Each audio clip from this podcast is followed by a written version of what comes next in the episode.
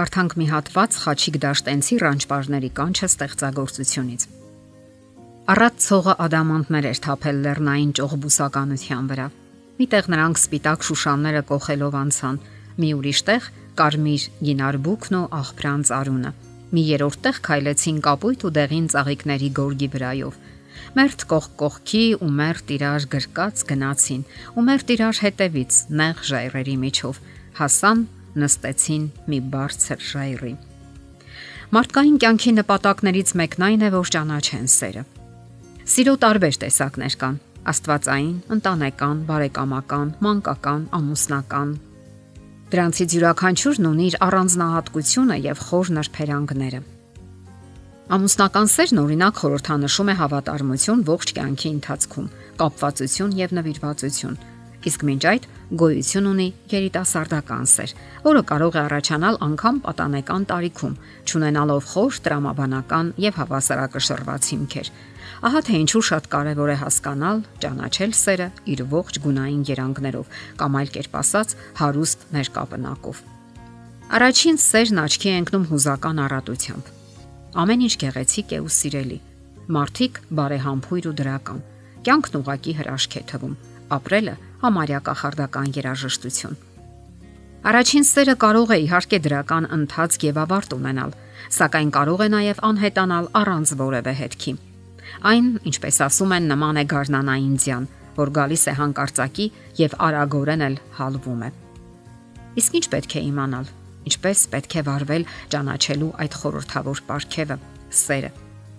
Ամենից առաջ հարկավոր է խուսափել ֆիզիկական հարաբերություններից, համբույր, գրկախառնություն եւ այլն։ Որքան էլ հաճելի թվան դրանք, ունեն իրենց ժամանակը։ Իսկ հիմա կարող են parzapes հիմնախնդիրների առիթ դառնալ։ Դրանք ֆիզիկական հպումները ժամանակավոր պահող արդյունք են տալիս, սակայն երբեք էլ խոր եւ հիմնավոր հարաբերություն չեն ապահովում։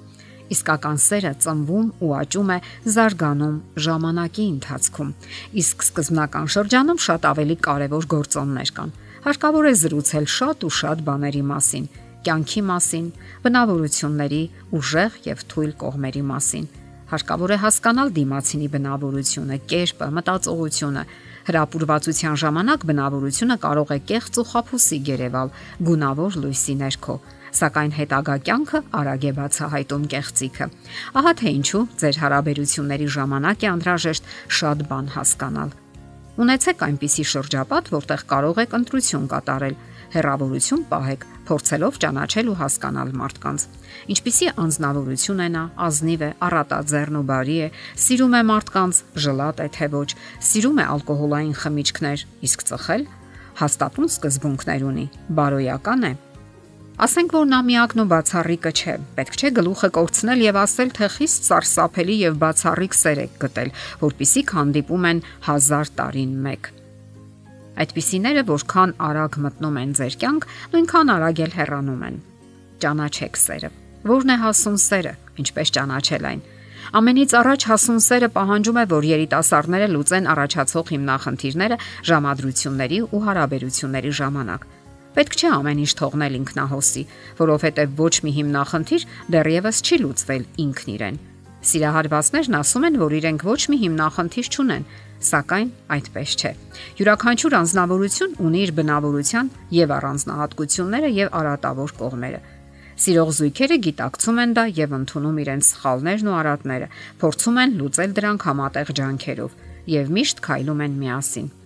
Հասուն սերը պահանջում է, որ ձգտեք հասկանալ, թե ինչ է ամուսնությունը, որովհետև շատ զույգեր այդպես էլ չեն հասկանում դա իրենց ողջ կյանքի ընթացքում։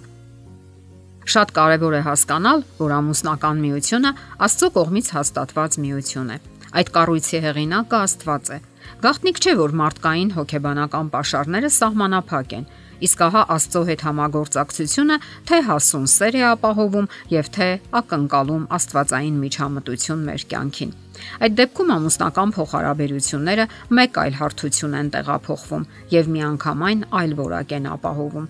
Նաև հիշեք, երբեք պետք չէ անտեսել Աստծուն ձեր հարաբերությունների ժամանակ։ Ամուսնության նպատակներից մեկը երջանկությունն է, որին շատերն են ձգտում, սակայն որին այնքան քչերն են հասնում։ Եթե մարդը ունի ներքին երջանկություն, նա դժվար թե ամուսնության մեջ գտնի այն։ Շատերը, հատկապես աղջիկները, միամտաբար կարծում են, որ եթե ամուսնանան, անպայման երջանիկ կլինեն, սակայն կյանք մտնելով տեսնում են, որ ամուսնական դաշտ են տարել այն, ինչ ունեին՝ հորետեսություն, վատատեսություն, ներքին անբավարարվածություն եւ քննադատության ու հանդիմանության հոգի։ Մենք ամուսնական դաշտ ենք տեղափոխում մեր բնավորության բոլոր որակները, իսկ դրանք երբեք չեն նպաստում հասուն սերը ճանաչելուն։ Հիշեք թե ինչ է ասել նշանավոր թատերագիր Մոլիերը։ Մենք երբեմն սիրում ենք դրան անգետ լինելով, իսկ հաճախ սին զառանցանքն ենք սեր անվանում։ Դե ինչ, որոնեք ձեր հասուն սերը։ Կարիք չկա շտապելու կամ էլ հուսահատվելու։ Այն կախված է ձեր ջանքերից եւ գրագետ ու խելամիտ մտածումից։ Եղեք պրպտուն, պատրաստակամ, ներելու եւ ներվելու։ Ճանաչելով սերը, մենք նկատում ենք, թե ինչպես ենք հասել այն բարձունքին, որից այն կողմ սկսվում է ներելու եւ ներվելու պատրաստակամությունը։ Հենց դա էլ ամուսնության ամուր հիմքն է։ Իսկ դուք պատրաստ եք դրան։ Եթերում ճանապար երկուսով հաղորդաշարներ։ Ձեզ հետ է Գեղեցիկ Մարտիրոսյանը։ Հարցերի եւ առաջարկությունների համար զանգահարել 033 87 87 87 հեռախոսահամարով։